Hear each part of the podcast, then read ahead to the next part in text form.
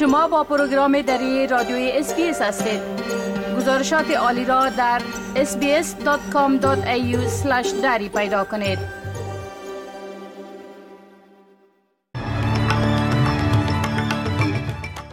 با عرض سلام ما صاحب شکیب شما را به شنیدن مهمترین اخبار امروز سوم ماه اکتبر سال 2023 دعوت می کنم. به خاطر گسترش آتش سوزی غیر قابل کنترل در شرق ویکتوریا به مردم هشدار داده شده که منطقه را ترک کنند. گزارش ها می گویند که بیش از 800 افغان در پاکستان اکثرا در اسلام آباد پایتخت آن کشور بازداشت شدند. سازمان جهانی صحت استفاده از دومین واکسین برای مقابله با بیماری ملاریا را تصویب کرده است.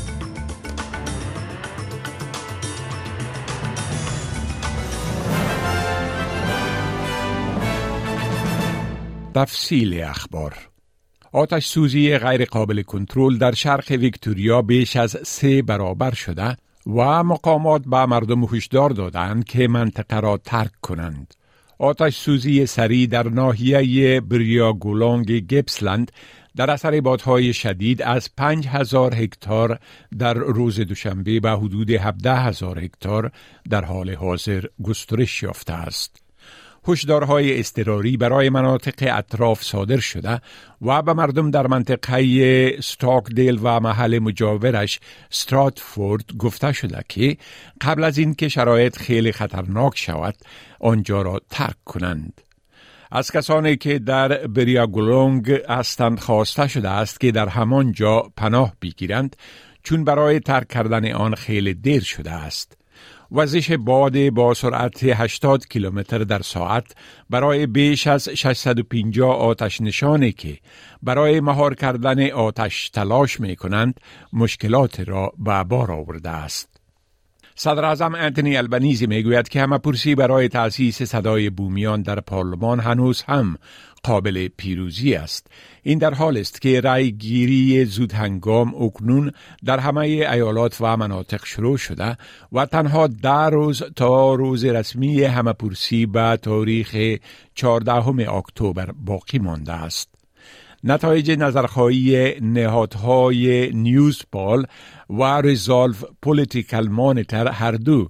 کاهش حمایت از پیشنهاد صدای بومیان در پارلمان را نشان دادند.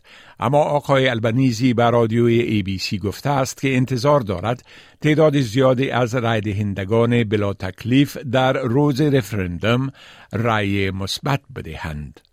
It, it is certainly winnable.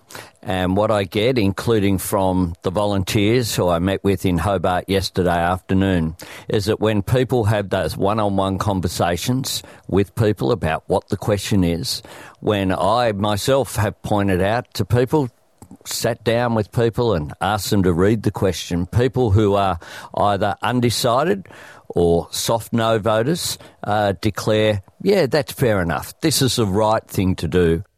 و شما می توانید با مراجعه به پورتال SBS Voice Referendum در sbs.com.au voice referendum معلومات جامعه درباره همه پرسی به دست بیاورید.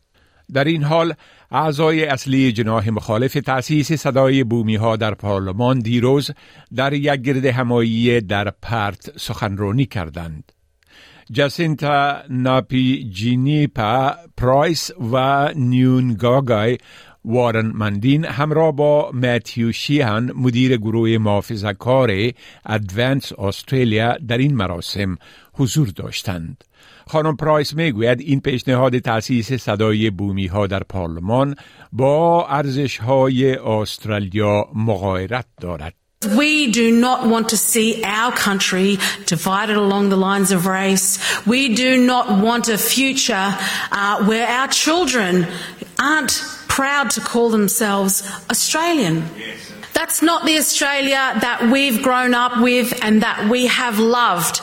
اوقات مسدود ماندن اجباری برای محلات دارای ماشین های قمار به سه بخش از تلاش برای کاهش دادن آسیب ناشی از قماربازی در ویکتوریا تعمیل خواهند شد.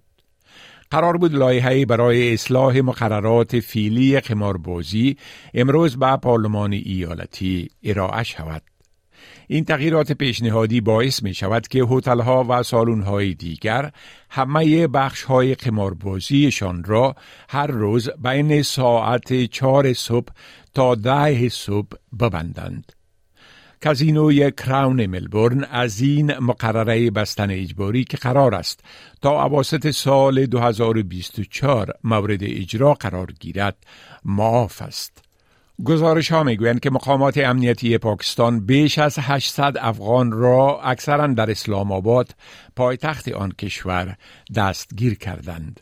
در گزارش ها گفته شده که بیشتر این بازداشتی ها بعدا آزاد شدند ولی تقریبا 400 نفر که مدارک قانونی اقامت در پاکستان را نداشتند از آن کشور اخراج خواهند شد. گفته می شود که روند دستگیری های پناهجویان و مهاجرین افغان در شهرهای دیگر پاکستان به شمول کراچی و راولپیندی هم ادامه داشته است. قبل از این حکومت موقت پاکستان از آغاز عملیه اخراج بیش از یک میلیون مهاجر افغان بدون اجازه اقامت خبر داده بود. مایکل مکال رئیس کمیته روابط خارجی مجلس نمایندگان امریکا گفته که مبارزه طالبان در مقابل داعش به خاطر این نیست که پروای توافقنامه دوحه را دارند بلکه هدف حفظ اقتدار داخلی خودشان است. او ظاهرا این اظهارات را پس از آن به عمل آورد که رئیس جمهور امریکا در هفته گذشته بار دیگر ادعا کرد که طالبان بر اساس مکلفیت هایشان تحت توافقنامه دوحه در ارتباط به مبارزه با تروریسم عمل می کنند. آقای مکال ادعا کرده که حکومت بایدن می خواهد روابط تروریستی گروه طالبان را نادیده بگیرد. آقای مکال علاوه کرده که طالبان با متحدین القاعدهشان برای شکست دادن دشمن مشترک خود شاخه خراسان گروه داعش طور بخشی از یک تلاش داخلی برای قدرت که از سال 2014 به این سو جریان دارد کار می کنند و می گوید که طالبان هیچ زمان روابطشان را با القاعده قطع نکرده است. سازمان جهانی صحت استفاده از یک واکسین جدید ملاریا را تصویب کرده است. واکسین R21 که توسط دانشمندان پوهنتون آکسفورد ساخته شده تنها دومین واکسین است که برای مجادله با ملاریا تولید شده است. سازمان جهانی صحت گفته که گرچه واکسین قبلی نیز مؤثر است اما واکسین جدید می تواند به پیمانه بسیار بیشتر تولید شود و به کشورها یک گزینه ارزانتر را فراهم می کند. دکتر تدراس ادهانوم گبریاسس مدیر عمومی این سازمان می گوید که این واکسین نقطه عطف در درمان بیماری ملاریا است. In areas with seasonal transmission, it reduces symptomatic cases of malaria by 75% in the 12 months following a three dose series of the vaccine. A fourth dose given a year after the third was shown to maintain protection. As a malaria researcher, I used to dream of the day when we would have a safe and effective vaccine against malaria.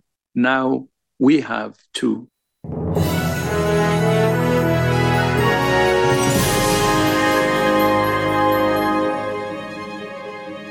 حال اخبار ورزش ارزش دلار استرالیایی در برابر اسعار جهان و وضع هوا برای فردا هیلی ماتیوز بازیکن ورزیده تیم کرکت زنان وستیندیز در دومین مسابقه 20 اووره در مقابل استرالیا برای زندگی کم نظیر از خود نشان داده است. خانم ماتیوز با انجام 132 دوش از 64 توپ تیمش را در این مسابقه در میدان سیدنی اوول کمک کرد تا به هدف بسیار بلند 213 که تیم استرالیا تعیین کرده بود برسد. این بزرگترین هدف تعیین شده از جانب تیم رقیب از نظر تعداد دوش هاست که تیم مقابل در تاریخ مسابقات بین المللی 20 ورای زنان به آن نائل آمده است. الیسا هیلی کپتان تیم استرالیا با خانم ماتیوز به خاطر این بازی شایستش تبریک گفت. ارزش یک دلاری استرالیایی در بازارهای تبادله اسعار معادل تقریبا 49 افغانی 64 سنت امریکایی 61 سنت یورو و 53 پنس بریتانوی می باشد. و حال پیشگویی هوا در شهرهای عمده استرالیا برای فردا ملبورن بارش فزاینده 14 درجه سانتیگراد سیدنی بارش فزاینده 27 درجه سانتیگراد کمبرا بارش شدید 20 درجه سانتیگراد برزبون احتمال بارش 26 درجه سانتیگراد ادلید کم بارش 16 درجه سانتیگراد پرت اکثرا آفتابی 22 درجه سانتیگراد هوبارت نیمه ابری 16 درجه سانتیگراد و داروین کم بارش 33 درجه سانتیگراد. این بود تازه ترین اخبار از پروگرام دری رادیوی اس بی اس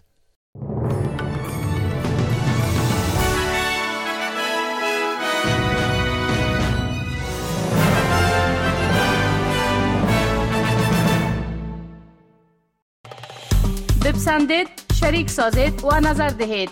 اسپیس دری را در فیسبوک تعقیب کنید.